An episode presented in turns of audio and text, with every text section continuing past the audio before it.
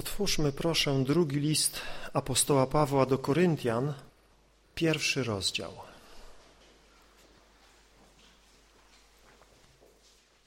Zanim będziemy czytali, jeszcze pochylmy na chwilę nasze głowy i poprośmy Boga, aby mówił do nas i otwierał nasze duchowe oczy, abyśmy widzieli te cudowności, które są w Jego Słowie.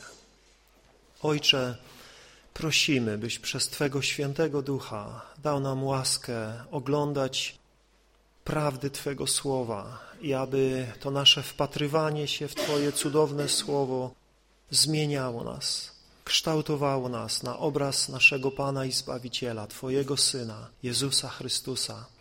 W Jego świętym imieniu modlimy się i oczekujemy na Twoje łaskawe działanie w każdym z naszych serc. Amen. Przeczytajmy od ósmego do czternastego wiersza. Drugi list do Koryntian, pierwszy rozdział.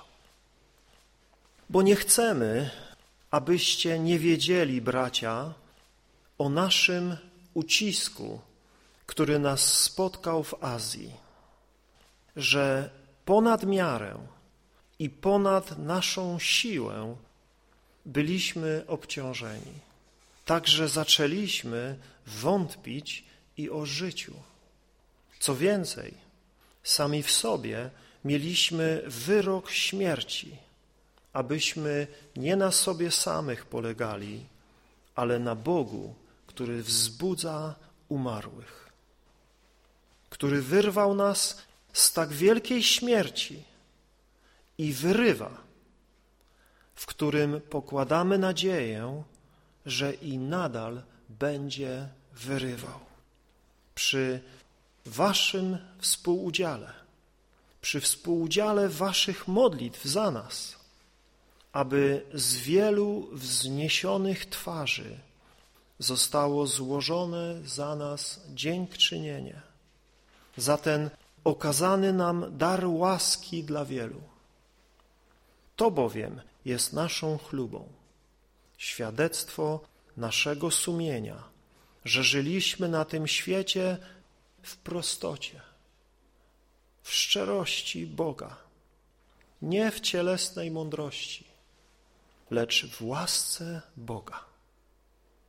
A tym obficiej u was.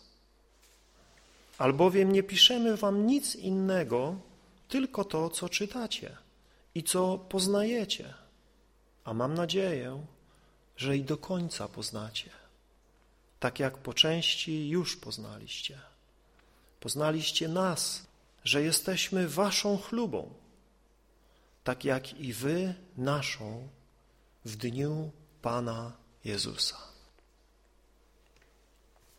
Jeśli pamiętacie, kilka tygodni temu rozważaliśmy początek tego listu, którym Paweł składa dziękczynienie Bogu za pocieszenie, jakiego możemy doświadczać w różnych bolesnych próbach, rozmaitych problemach, które nas spotykają.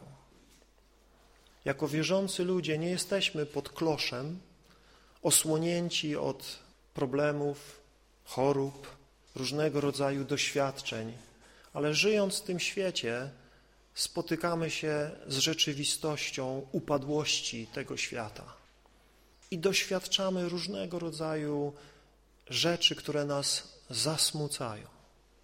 Ale Bóg wszelkiej pociechy nie zostawia nas w tych doświadczeniach, ale w szczególny sposób objawia się swoim dzieciom.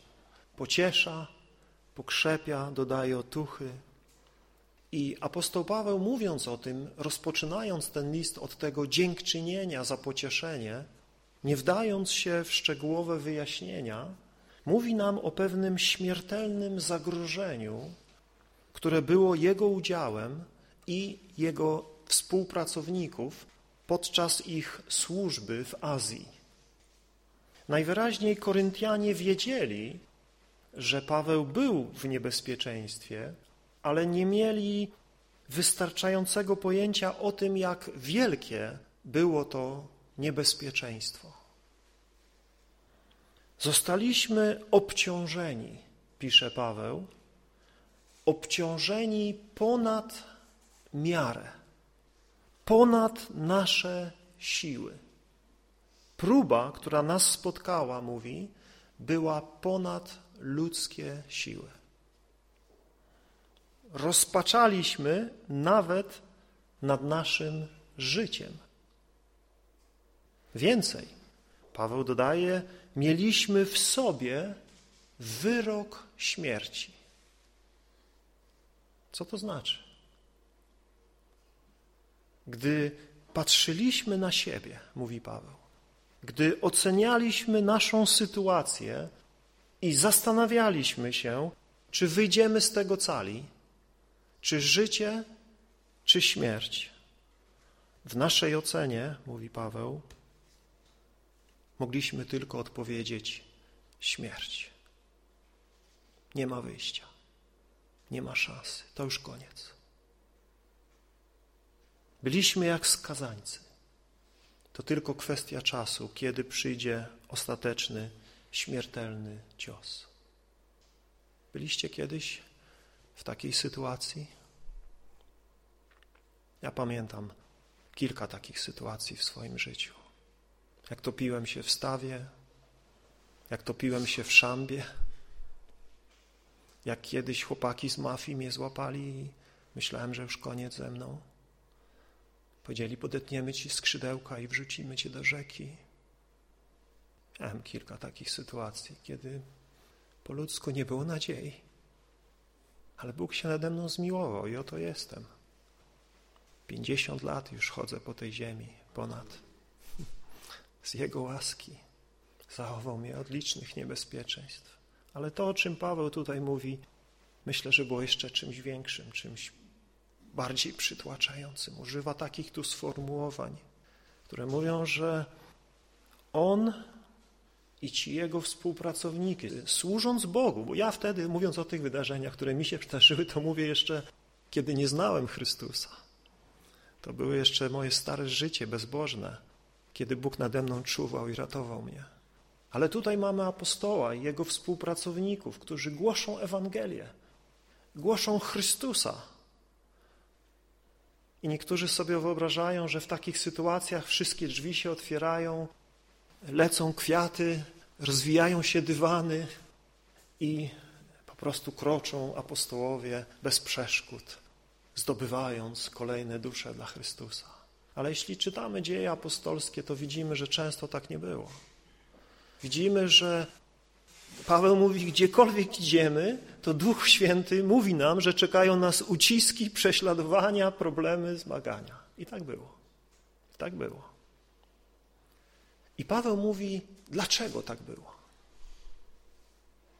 To nie było dziełem przypadku, to nie było wynikiem tego, że Bóg nie mógł im pomóc, że Bóg był bezradny, że Bóg no, zaskoczony był taką sytuacją, taką wrogością ludzi i przyszło na nich takie zagrożenie. Nie. Bóg miał w tym swój dobry cel. To, co się działo, trudno jest nazwać dobrym. To, co przychodziło, Paweł nazywa uciskiem. Używa tutaj takiego słowa, które oznacza wielki ból, wielkie cierpienie, wielkie zmaganie. Ale mówi nam, że Bóg do tego dopuszcza. Po co? Dlaczego? Abyśmy nauczyli się polegać nie na sobie samych, ale na Bogu, który wskrzesza umarłych. To jest rzeczą naturalną, że pokładamy ufność sami w sobie. To jest tak naturalne i tak potwierdzone przez codzienne nawyki, że zwykłe trudności i kłopoty nie pomagają nam z tego zrezygnować. Potrzeba wszystkiego, co Bóg może zrobić, aby wykorzenić z nas naszą wiarę w samych siebie i w nasze ludzkie możliwości. I Bóg musi czasami doprowadzić nas do rozpaczy. Musi doprowadzić nas czasami do takiej skrajności, że jedynym głosem, który rozbrzmiewa w naszych sercach jest głos rezygnacji. to już koniec. Nie dam rady. To ponad moje siły. Czeka mnie tylko śmierć. I to właśnie z takiej rozpaczy rodzi się nadludzka nadzieja. To z takiej skrajnej bezradności ludzka dusza uczy się zwracać z ufnością ku Bogu, bo widzi, że już nie ma gdzie indziej się zwrócić. Już nigdzie indziej nie ma pomocy, tylko Bóg zostaje. To jest przykre, że Bóg musi nas czasami zapędzić w taki kozi róg, żebyśmy już nie mieli odwrotu w żadną stronę, żeby zacząć Jego szukać. Ale ile psalmów o tym właśnie składa świadectwo? Że właśnie w takich chwilach, kiedy już grzęskie błoto, kiedy już tysiące wrogów, kiedy beznadziejna sytuacja, ludzka dusza zaczyna wznosić się ku górze i wypatrywać pomocy u Boga. Jest to smutna refleksja nad ludzką naturą, że musimy dojść do naszego końca, aby zwrócić się do Boga.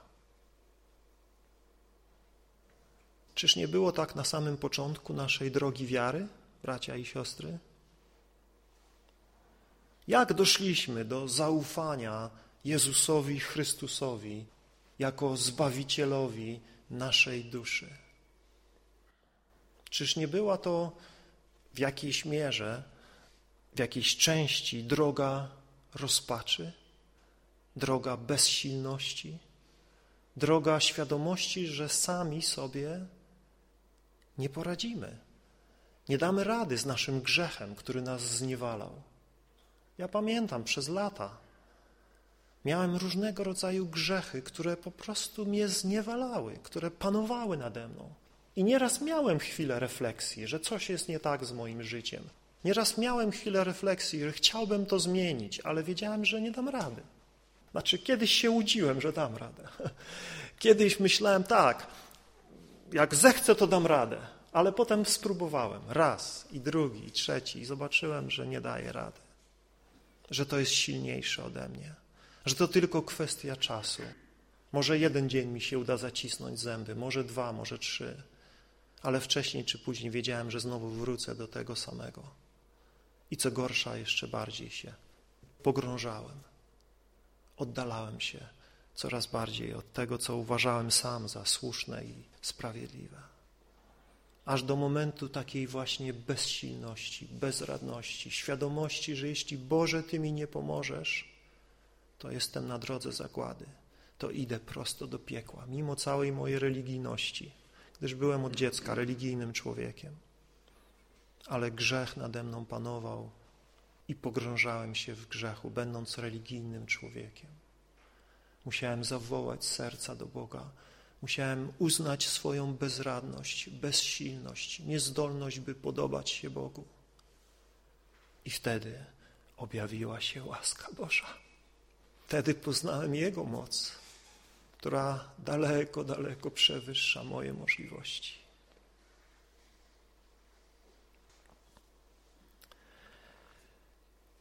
Czyż nie przez porażkę, przez klęskę, przez głębokie rozczarowanie dochodzimy do przekonania, że nie możemy własnymi siłami uczynić siebie dobrymi ludźmi. Czyż nie przez takie właśnie doświadczenia przychodzimy pod krzyż, szukając tam ratunku, oczyszczenia, uwolnienia z więzów grzechu? Czyż nie przyznajemy, że zbawienie pochodzi od naszego Boga? Dopiero wtedy, kiedy nasza dusza zostanie przekonana, że nie mieszka w nas nic dobrego. Że jesteśmy na wskroś zepsuci. że jesteśmy skorumpowani w głębi naszej natury. Jeśli Jezus Chrystus nie obmyje nas swoją krwią, jeśli Jego Duch nie wypełni nas i nie udzieli nam nowego życia, jesteśmy bezradni i bezsilni i zgubieni w naszej religijności i naszych ludzkich staraniach, by podobać się Bogu. I ta zasada ma wiele innych ilustracji w naszym życiu. Jakże często dopiero desperacja otwiera nam oczy na Bożą miłość, na Bożą moc i na Bożą mądrość. Jakże często nie uznajemy Boga jako autora naszego życia i zdrowia, dopóki śmiertelnie nie zachorujemy. I dopóki nie okaże się, że lekarze nie mogą nam pomóc, że lekarstwa nie są w stanie nas uzdrowić i że tylko w Bogu jest nasza nadzieja. W Jego łasce, jeśli zechce nam ukazać, by uzdrowić nas, by podnieść nas z łoża śmierci. Niektórzy z nas tego doświadczyli.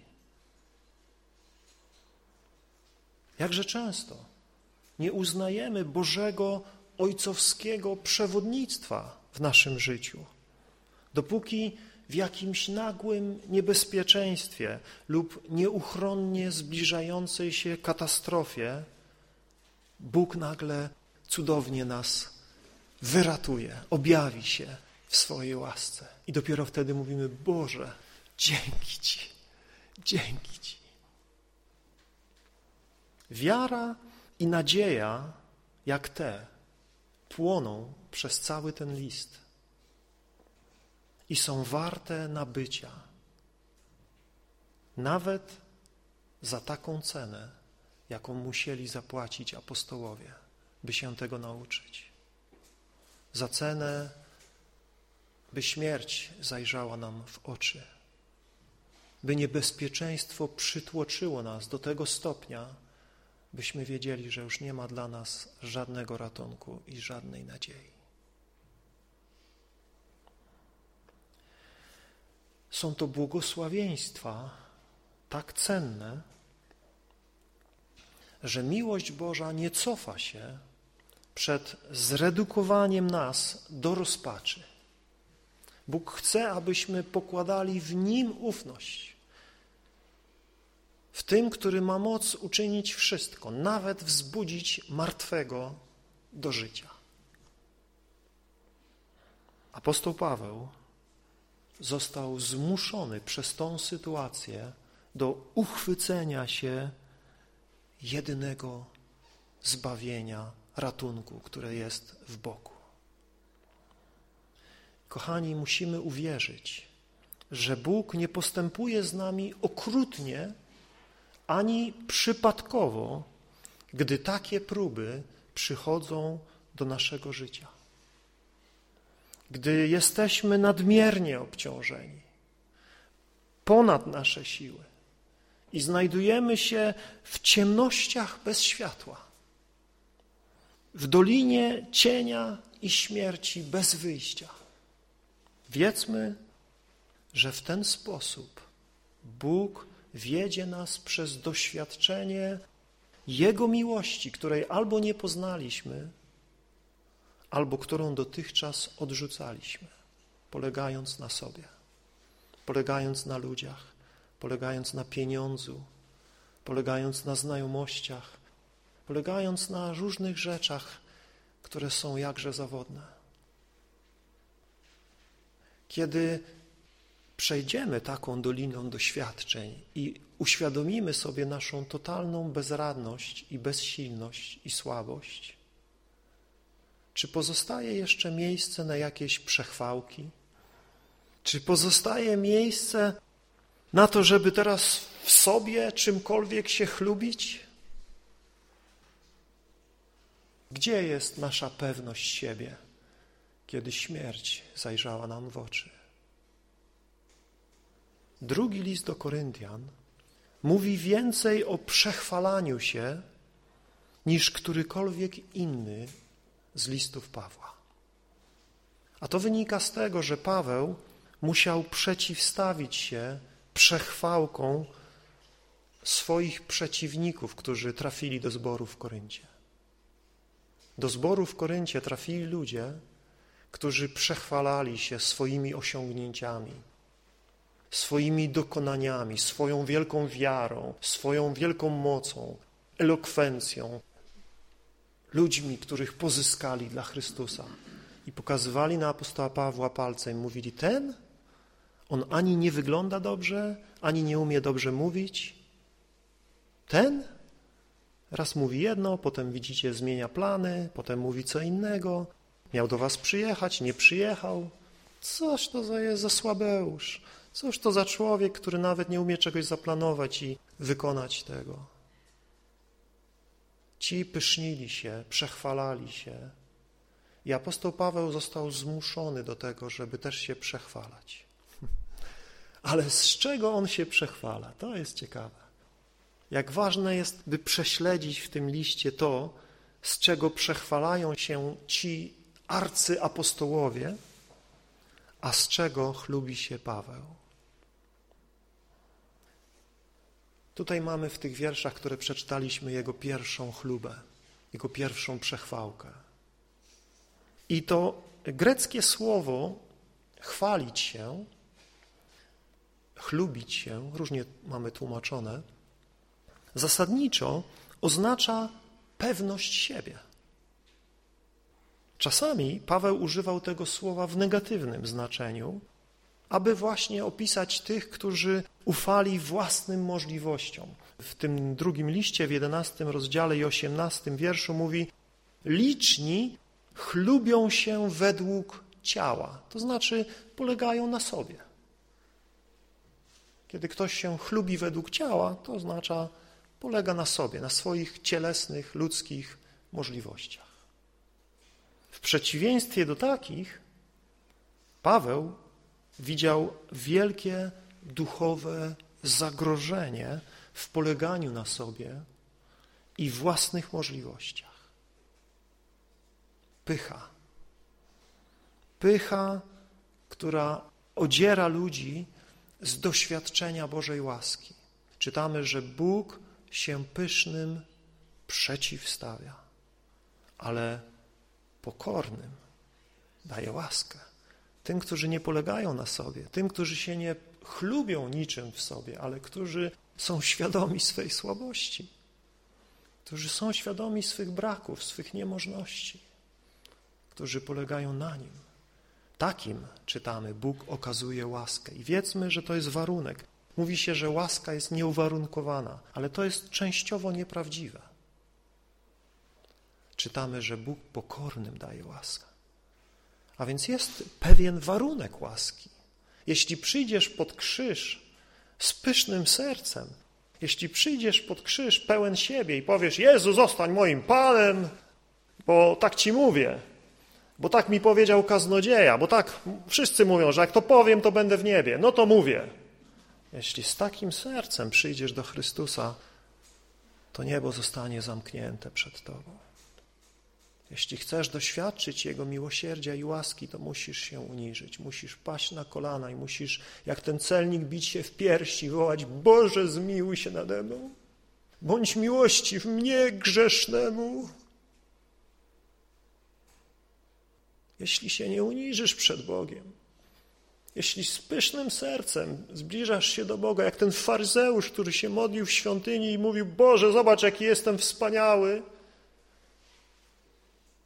czytamy, że Pan Jezus mówi, ten poszedł do domu nieusprawiedliwiony. Ten odszedł bez Bożej odpowiedzi. Ale skruszonym sercem Bóg nie wzgardzi. Uniżonym, skruszonym duchem Bóg nie wzgardzi. Bóg do takiego się zbliża, w takim sercu mieszka. Ten, który mieszka na najwyższych wysokościach, czytamy, mieszka też w uniżonym, skruszonym sercu. To są Jego dwie świątynie. Jest niebiańska świątynia pełna chwały i jest ziemska świątynia w skruszonym, pokornym, uniżonym ludzkim sercu. Paweł mówi, jeśli mam się chlubić, to będę się chlubić moją słabością. Tym się będę chlubił, że jestem słaby, że jestem nieelokwentny, że jestem niezdatny do tego dzieła, do którego Bóg mnie powołał. Paweł mówi: Najchętniej będę się chlubił ze swoich słabości, aby we mnie zamieszkała moc Chrystusa. Kto się chlubi, mówi, niech się chlubi w Panu. Paweł więc używa też tego słowa w pozytywnym sensie. Pokładania ufności, nadziei w Bogu i mocy, którą Bóg hojnie daje uniżonym sercom. W dziesiątym rozdziale mówi: Ten, kto się chlubi, niech się chlubi w Panu. Paweł chlubił się Bogiem. Chlubił się Jego mocą, Jego mądrością, Jego miłością, Jego wspaniałością. I w ten sposób oddawał Bogu chwałę. W wierszu dwunastym tego rozdziału Paweł mówi o chlubieniu się świadectwem własnego sumienia. To ciekawa chluba. Od tego Paweł zaczyna. Mówi, że chlubimy się świadectwem naszego sumienia. Sumienie było często używanym terminem w tamtych czasach. Greccy stoicy twierdzili, że sumienie jest głosem Boga w ludzkim sercu. Zgadzacie się z tym, czy nie? Na pierwszy rzut ucha brzmi dobrze, ale to nie jest prawda. Sumienie nie jest głosem Boga. Paweł nie używa tego słowa w takim znaczeniu. Sumienie jest raczej ludzką zdolnością do oceny tego, co jest dobre lub złe. I ta ocena nie zawsze jest Bożą oceną. Nasze sumienie może być źle uformowane, źle ukształtowane. Możemy wyrastać, tak jak dzisiaj wiele naszych dzieci wyrasta w społeczeństwie, w którym homoseksualizm i inne zboczenia są nazywane normą, są uznawane za coś normalnego, właściwego człowiekowi, przyrodzonego. I ich sumienie absolutnie nie reaguje, wielu z nich, nie reaguje na to, gdy stykają się z ludźmi tej samej płci, którzy się kochają, którzy zakładają rodziny, którzy chcą adoptować dzieci. Ich sumienie w żaden sposób nie reaguje na to.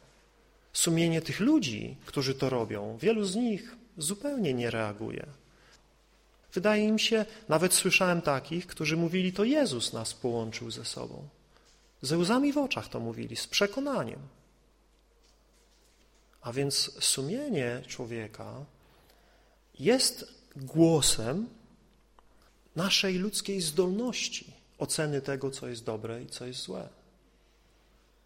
Czytamy, że gdy przyjmujemy chrzest, gdy deklarujemy naszą wiarę w Jezusa Chrystusa, to w chrzcie prosimy o dobre sumienie. Czyli można mieć złe sumienie. Można mieć zdeformowane sumienie. Można być poddanym takiemu praniu mózgu i takiej ideologii, że nasze sumienie przestaje reagować na to, co jest złe. Przestaje nas ostrzegać przed tym, co jest zabójcze dla naszej duszy. Z drugiej strony można mieć takie sumienie, które będzie reagować na rzeczy, które wcale nie są złe, ale ktoś ma takie przekonanie, ma takie zrozumienie, tak został wychowany, tak został ukształtowany, w takiej religijnej grupie czasami się znalazł, która mówi coś, że coś jest złe, kiedy Bóg wcale nie mówi, że to jest złe. I taki człowiek będzie miał wyrzuty sumienia, kiedy będzie robił dobrą rzecz, która wcale nie będzie zła. Albo będzie widział drugiego, który robi tą rzecz i będzie go ruszało sumienie, mówiąc, że ty, bracie, siostro, czynisz coś złego, kiedy Bóg wcale nie nazywa tego złym. Prawda? Mamy takie przykłady w Słowie Bożym. Ludzi, którzy oceniali innych, bo nie obchodzili szabatu. Szabat, musimy obchodzić szabat, musimy w tą sobotę się spotykać, musimy mieć w szabat nabożeństwa. I jak nie, to grzech, to śmierć, to do piekła. Więc niektórzy w taki sposób rozumieją, w taki sposób są kształtowani i jakby nie mieli szabatu święcić, to po prostu załamka. To by czuli się winni, to by czuli się grzeszni. Niektórzy co do pewnych pokarmów mają takie problemy, że wołowinka tak, ale wieprzowinka absolutnie. Skwarki fe. To fe. To wszystko bezbożne, to złe. Nie możesz tego jeść. Tak są kształtowani, takie mają zrozumienie. Niektórzy nawet tylko warzywka, żadnego mięsa, bo to grzech. Bo Adam i Ewa byli wegetarianami w raju. Nie jedli mięsa, więc my też tak jak Adam i Ewa powinniśmy wrócić do tej kultury jedzenia z raju. Różne mają ludzie rzeczy, różne rzeczy ukształtują ich myślenie i stąd też ich sumienie się odzywa według tego, co myślą, a więc nie zawsze jest to głos Boga. Często jest to głos ludzkiego serca, które tak czy inaczej pojmuje rzeczy i tak czy inaczej ocenia te rzeczy. Ale nie możemy lekceważyć tego głosu. Biblia pokazuje nam wartość tego sumienia. Bóg dał nam to sumienie, aby ono w nas się odzywało. Abyśmy to, co wiemy, na tyle, ile wiemy, czy dobrze, czy źle, czy lepiej, czy gorzej, to jest inna kwestia, ale na tyle, ile rozumiemy i pewne rzeczy mamy wszczepione w naszą ludzką naturę, że rozumiemy, że pewne rzeczy są złe, że kłamstwo jest złe, że oszukiwanie drugiego człowieka jest złe, że dręczenie, krzywdzenie drugiego człowieka czy nas samych jest złe, niesprawiedliwe. Że spanie z cudzą żoną to coś niegodziwego, to coś grzesznego, to coś złego. To dziś mamy w naszej naturze. Że doprowadzenie się do stanu upojenia, w którym zachowujemy się jak zwierzęta, to coś jest nie tak. Więc nie możemy lekceważyć głosu sumienia, które gdy podejmujemy jakieś decyzje, gdy podejmujemy jakieś działania, mówi nam nie rób tego, to nie jest dobre. Nie możemy tego lekceważyć. Oczywiście ostateczny wyrok należy do Boga. On rozsądzi, czy to, co robiliśmy, mówiliśmy, jak się zachowywaliśmy, było dobre czy złe. I dlatego potrzebujemy kształtować nasze sumienie przez Słowo Boga. Dlatego potrzebujemy uczulać, uwrażliwiać nasze sumienie przez ciągły kontakt z tym, co Bóg mówi, że jest dobre. I jeśli tego słuchamy, jeśli tym się karmimy, to nasze sumienie jest kształtowane we właściwy sposób i będzie reagowało we właściwym momencie. Będzie nas pochwalało, kiedy robimy coś dobrego, słusznego i dzięki temu, co Bóg mówi, że jest mu miłe, co jest dobre, nasze sumienie będzie mówiło tak, to jest dobre. Będziemy czuli pokój, będziemy czuli zadowolenie. A kiedy zaczniemy wchodzić w tą szarą strefę, czy co gorsza w ciemność, to sumienie będzie biło na alarm. Nie idź tam, nie rób tego. To jest złe, to cię zniszczy, to się Bogu nie podoba. Więc Paweł mówi, mamy świadectwo naszego sumienia. I z tego się chlubi, że jego sumienie mówi mu, że prowadził dobre życie, sprawiedliwe życie, czyste życie. Paweł chlubi się świadectwem swojego sumienia i odwołuje się do niego, licząc na to, że sumienie Koryntian składa podobne świadectwo o jego chlubnym postępowaniu w prostocie i szczerości, które Paweł mówi są od Boga. Prostota i szczerość. Uczciwość. Oba te słowa są przeciwieństwem krętactwa, obłudy, oszustwa. Paweł mówi, czegoś takiego nie było w naszym życiu i moje sumienie mi to zaświadcza. I mam nadzieję, że też wy w swoim sumieniu wiecie, że nie byłem człowiekiem obłudnym, nie byłem krętaczem, nie byłem oszustem. Paweł wiemy, że był niezwykle ostrożny, by w żaden sposób swoim zachowaniem nie ściągnąć hańby na chwalebną Ewangelię, którą głosił. Postępował w taki sposób, aby zaświadczyć o prawdziwości głoszenia swojego poselstwa. W pierwszym wieku, tak jak i dzisiaj, było wielu wędrujących kaznodziejów. Dzisiaj można wędrować bez ruszania się z domu.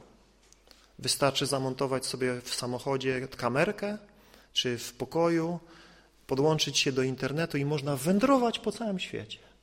I można ludziom opowiadać o cudach, można opowiadać, co się tylko chce. Jest dzisiaj też wielu wędrownych kaznodziejów, których nikt nie zna. Ale znają ich przez internet. Znają ich przez okienko, w którym oni są i dobrze mówią. Albo nie tak dobrze mówią, ale ciekawie mówią. Może nie do końca biblijnie, ale ciekawie. Więc też warto posłuchać, co ucho chce. Bo fajnie gadają, mają gadane. Oj, jak niektórzy mają gadane. Gadają i gadają, gadają. Trzy godziny i się nie nudzi. Jak ja tu przekroczę godzinę, to już mam stres. Żeby nie przesadzać, nie przeciągać. Staram się do 45 minut, ale nie zawsze mi wychodzi. A niektórzy dwie i pół godziny, trzy godziny nadają i spoko, są tacy, co chcą tego słuchać. Huh. W tamtym czasie i dzisiaj jest wielu wędrownych kaznodziejów. Niektórzy z nich używali i używają nikczemnych sposobów, aby manipulować ludźmi i aby w końcu dorabiać się na tych ludziach. Paweł o tym otwarcie mówi w tym liście.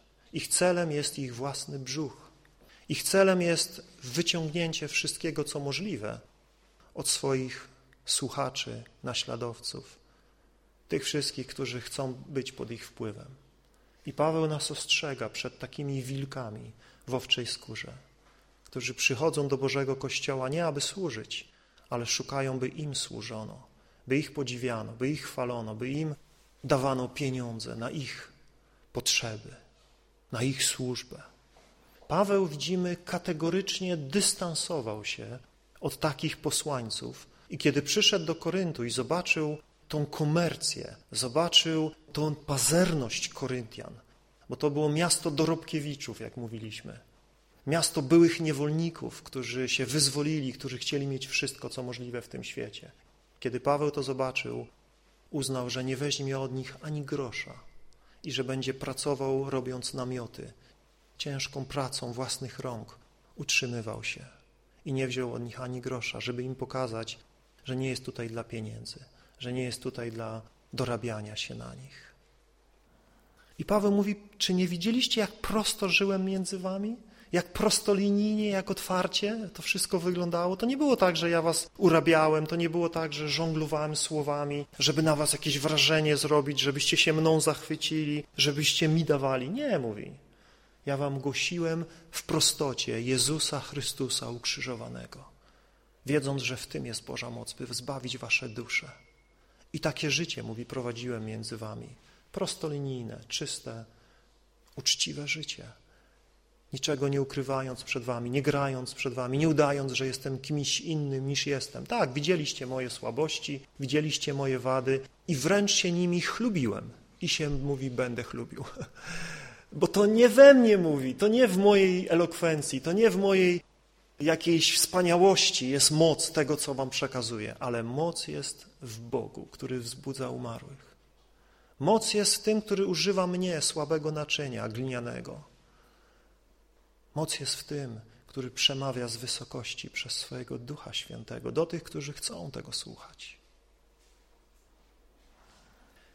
Bracia i siostry, jakie jest świadectwo naszego sumienia. Czy możemy się chlubić ze świadectwa, jakie nasze sumienie wydaje o nas samych? Czy nasze sumienie nam coś wyrzuca? Czy nasze sumienie nas oskarża? Czy nasze sumienie nie daje nam spokojnie spać? Że marnujemy nasz czas? marnujemy dane nam przez Boga dary. marnujemy nasze życie? Czy nasze sumienie mówi nam, że prowadzimy czyste, bogobojne, sprawiedliwe życie? To jest bardzo ważne, byśmy nie lekceważyli tego głosu sumienia, chociaż ono nie jest naszym sędzią ostatecznym, chociaż naszym ostatecznym sędzią jest Bóg, to głos naszego sumienia nie powinien być przez nas lekceważony. Winniśmy skrupulatnie wsłuchiwać się w głos naszego serca. Tak jak powiedziałem, kształtując ten głos przez ciągły kontakt z Bożym Słowem. Czy nasze sumienie wyrzuca nam jakieś etyczne kompromisy, obieranie łatwiejszej drogi na skróty, czy upewnia nas i uspokaja nas co do naszej prostolijności i uczciwości. Apostoł Paweł wiedział w głębi serca, że prowadził uczciwe życie i dalej dodaje, i to nie w cielesnej mądrości, nie w oparciu o własne myślenie tylko, ale mówi w Bożej łasce. Oprócz tego prostolinijnego postępowania, Paweł wskazywał na jego źródło, na jego przyczynę. I Paweł mówi, że to nie pochodziło z jego naturalnej zdolności, ale skąd? Z łaski Boga. To jest piękne, jak czytamy listy Pawła, on ciągle wskazuje i mówi łaska, łaska, łaska, cudowna łaska. To z niej płynie nasze życie, to z niej płynie nasza zdolność. To łaskawość Boga wobec nas. Jeśli pamiętacie w pierwszym liście do Koryntia na samym początku, Paweł pokazywał diametralną różnicę między ludzką mądrością, która ślizga się po powierzchni, a mądrością Boga, która dotyka istoty rzeczy, która dotyka ukrytych prawd, które zna tylko sam Bóg i które objawia swoim sługom przez swojego świętego ducha. Niestety wielu ludzi nadal szuka albo elokwentnych przemówień, albo budzących podziw cudów i znaków, aby potwierdzić prawdziwość przekazywanej nauki. Paweł dowodzi, że Bóg, aby zawstydzić mądrych tego świata, wybiera słabych i pozornie głupich posłańców, którym powierza potężne przesłanie prawdy. I to Boża łaska, Jego cudowne uzdolnienie i obdarowanie pozwalały Pawłowi i wszystkim innym, którzy idą w Jego ślady, głosić skutecznie Ewangelię, dobrą nowinę o zbawieniu w Jezusie Chrystusie. Innymi słowy, kiedy Paweł odwiedził Korynt, nie polegał na swojej własnej uczoności i mądrości, bo był człowiekiem wielce uczonym. Był człowiekiem, który żył w trzech kulturach, rzymskiej, greckiej i żydowskiej.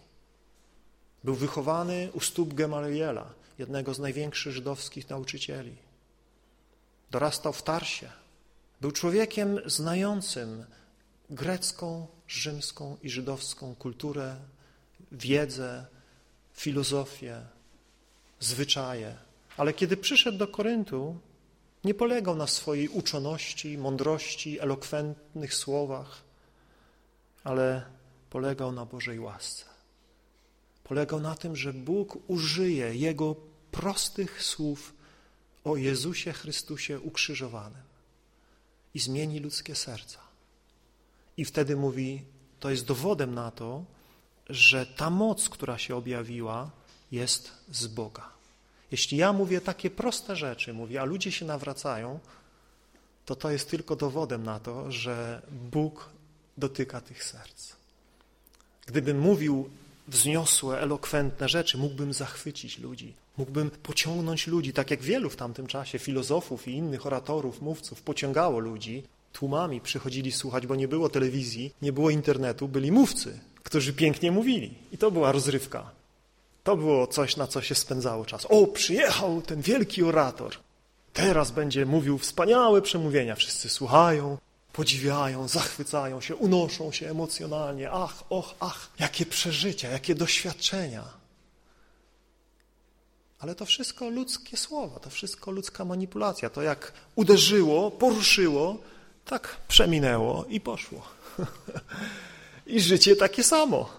A tutaj przychodzi prostak, niezbyt piękny z wyglądu i mówi o krzyżu Bożego Syna, który zszedł na świat. Bo tak nas kocha, że oddał życie za nas. I wzywa nas, byśmy odwrócili się od bałwanów, od, od bezbożności, od zła, wierzyli w Niego, oddali Mu swoje życie. Poselstwo, które mówi dla przeciętnego człowieka jest głupstwem. Dla innego religijnego człowieka, który ma swoje koncepcje religijne, to jest jakieś gorszące, to jest nie do słuchania, nie do przyjęcia. Ale mówi dla tych, którzy wierzą, to jest moc Boga, by zmienić człowieka życie.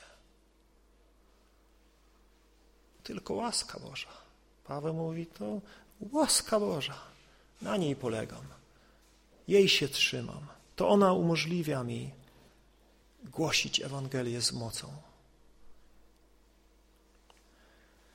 W listach Pawła pojawia się znamienny kontrast między działaniem z uczciwością, bogobojną szczerością i Bożą łaską z jednej strony, a z drugiej strony z światową ludzką mądrością. I Paweł mówi to w kontekście Kościoła. Mówi, w Kościele są jedni i drudzy. Są ci, którzy służą inspirowani i polegający na Bożej łasce i są ci, którzy w Kościele służą, opierając się o swoją własną inteligencję, o swoją własną elokwencję, o swoją własną charyzmę, cokolwiek w nich jest pociągającego. I Paweł robi wielkie rozróżnienie między tymi dwoma. O jednych mówi, że budują z siana, drewna, słomy, a o drugich mówi, że budują ze złota, ze srebra i drogocennych kamieni. Obaj budują, ale jakże odmienne są to budowle. Jakże odmienne są te dzieła. I mówi, dopiero dzień sądny pokaże to, jakie jest dzieło każdego, na czym ono jest zbudowane, na czym jeden i drugi polegał i w jakiej mocy działał. Paweł tutaj w drugim liście do Koryntian, w drugim rozdziale i siedemnastym wierszu mówi, nie jesteśmy jak wielu fałszujących Słowo Boga. To jest ciekawe tam wyrażenie, fałszujący Słowo Boga. Tam jest takie słowo, które mówi domieszywujący do Słowa Bożego. To słowo fałszować oznacza, wiecie, tak jak fałszować mleko, dolewać wody do mleka. Ale jest mleko, ale ma trochę wody. Jest sfałszowane mleko. To jest nadal mleko, ale już sfałszowane. I Paweł, my nie jesteśmy jak ci, którzy fałszują Słowo Boże. Mówi, nie, nie jesteśmy jak wielu, wielu fałszujących Słowo Boże, którzy nie mają samego Słowa Bożego, ale jeszcze coś tam dolewają, jeszcze tam coś mieszają. Jeszcze tam wprowadzają rzeczy, których nijak z tego Słowa nie znajdziesz. Ale oni wiedzą, że tak jest. Oni wiedzą, że tak ma to być coś przeczytają ze Słowa Bożego, a potem mówią coś zupełnie odmiennego, ale przeczytali Słowo Boże i masz wrażenie, że oni mówią o tym Słowie Bożym, ale oni mówią o czymś innym. Oni tylko przeczytali Słowo Boże, fałszują je, dolewają do niego, mieszają je z czymś innym. Paweł mówi, my tacy nie jesteśmy, ale mówi w szczerości, jak od Boga, przed obliczem Boga mówimy w Chrystusie. Światowa mądrość skłania się ku przebiegłości lub zręcznej żonglerki, aby przekonać słuchaczy, czy też im zaimponować. Boża mądrość opiera się nie na ludzkiej elokwencji, na sile logicznej argumentacji, ale na mocy prawdy.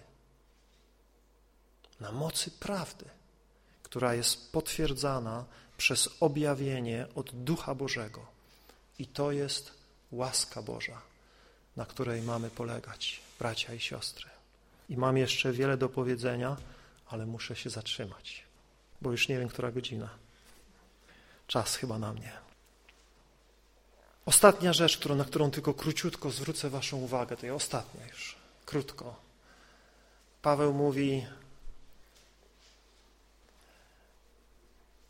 dzisiaj może Wam się wydawać, że ci arcyapostołowie, ci oszuści, ci kłamcy, ci zwodziciele są sługami Chrystusa. A na mnie możecie patrzeć i mną pogardzać, i mnie odrzucać, i uważać mnie za kogoś nieznaczącego i niewartego słuchania. Ale mówi, nadchodzi dzień, w którym wszystko stanie się jawne. I ten dzień apostoł Paweł nazywa dniem Pana Jezusa. To jest niezwykłe, co Paweł tutaj robi tak naprawdę. Jak pomyślicie o jego żydowskim myśleniu i o jego żydowskim wykształceniu religijnym, w którym czytając pisma Starego Testamentu ciągle czytamy o dniu Jahwe. Wielki dzień Jahwe, kiedy wszystkie sprawy zostaną odkryte. Wszystkie rachunki zostaną wyrównane. Kiedy zło zostanie ukarane, a dobro zostanie nagrodzone.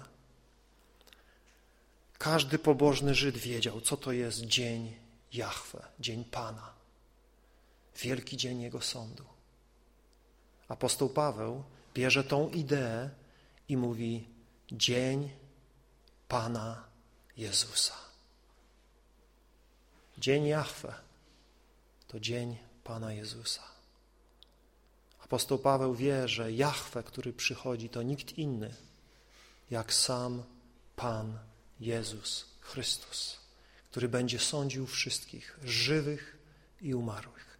Czytamy, my wszyscy musimy stanąć przed sędziowskim tronem Chrystusa, aby każdy odebrał zapłatę za swoje uczynki dokonane w ciele, dobre czy złe. Nadchodzi wielki dzień Pana Jezusa. Nadchodzi wielki dzień Jahwe. Bracia i siostry, bądźmy gotowi na ten dzień.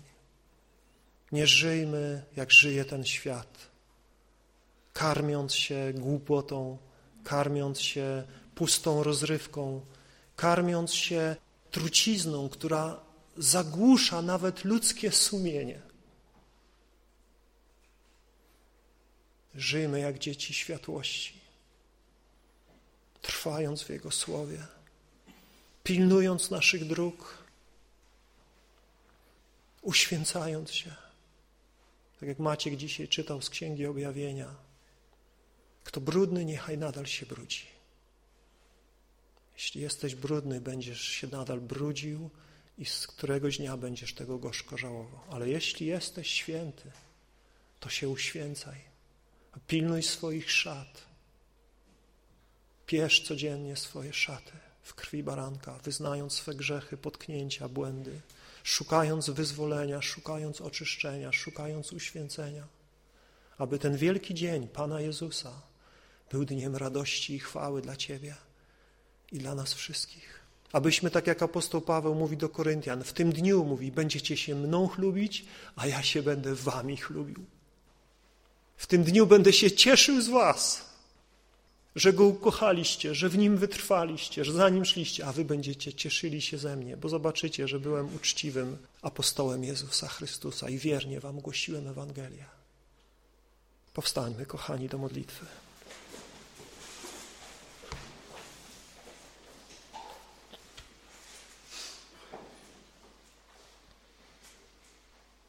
Wielki Boże, wielbimy Ciebie, że Powołałeś nas do życia w Jezusie Chrystusie, otworzyłeś nasze oczy, wskazałeś nam drogę życia, nie takiego życia, jakie do tej pory wiedliśmy, w oparciu o nasze własne siły, o naszą religijność, o nasze starania, ale pokazałeś nam drogę życia w łasce, poleganiu nie na sobie samych, ale poleganiu na Tobie, na łasce Boga, która poucza nas, by odwrócić się od wszelkiej bezbożności i prowadzić czyste i sprawiedliwe życie na tym świecie. Do tego ta łaska nas powołuje i do tego nas uzdalnia. I w tej łasce chcemy żyć. Prosimy, by to słowo, które dzisiaj do nas kierujesz przez Twego ducha, mieszkało w naszych sercach, pocieszało nas, zachęcało nas.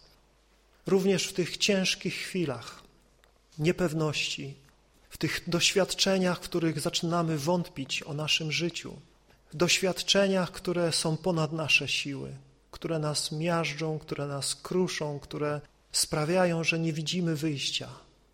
Obyśmy w nich, Panie, nauczyli się polegać na Tobie, na Bogu, który wzbudza z umarłych, dla którego nie ma nic niemożliwego. Kochany Panie, prowadź nas i niechaj Twój święty duch działa w nas, kształtuje nas i uzdalnia nas, abyśmy i my takie życie prowadzili na tej ziemi, którego się nie będziemy wstydzić, ale będziemy mieli chlubne świadectwo naszego sumienia i sumienia innych ludzi, że czyste, prostolinijne, uczciwe życie prowadziliśmy i prowadzimy, oczekując tego wielkiego dnia spotkania z Tobą i obyśmy wszyscy usłyszeli te jakże upragnione słowa. Dobrze, sługo, dobry i wierny, wejdź do radości swego Pana. Chwała Tobie, Panie Jezu, za Twój krzyż, za moc krzyża, za Ducha Świętego, którego wylałeś na swój Kościół, za życie, prawdę. Kościół, wielbimy Ciebie, wywyższamy Ciebie. Amen.